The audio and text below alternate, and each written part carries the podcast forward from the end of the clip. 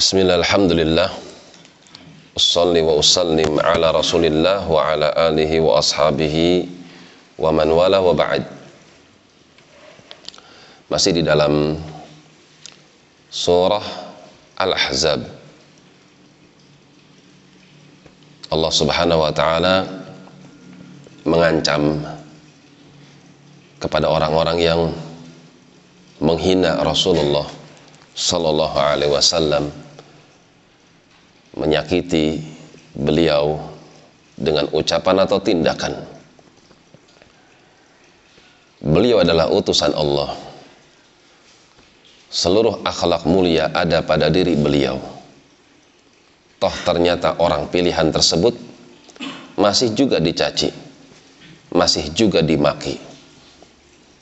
Maka ini pun sekaligus pelajaran bagi umat siapa yang berupaya untuk menjadi orang yang baik maka hendaknya dia harus siap dan sabar ketika mendapatkan cemoohan atau bahkan cacian serta makian kepada dirinya. Akan tapi Allah bersama mereka orang-orang yang berbuat baik.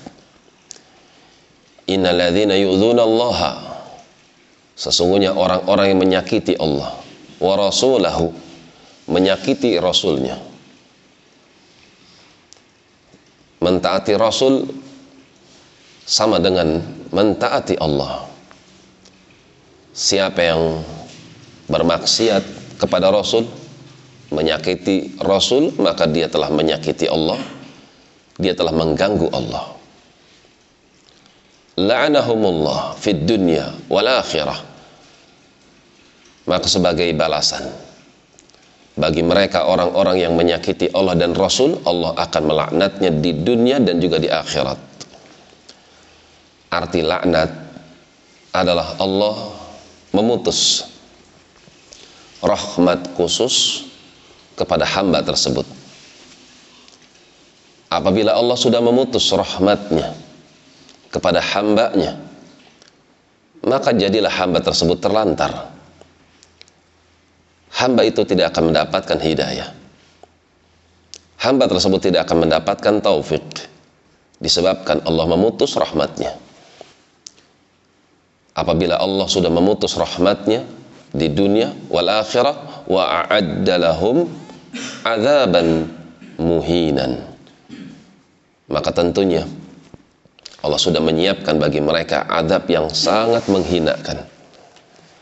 Mereka menghina Allah, maka Allah Subhanahu wa taala akan menghinakan mereka.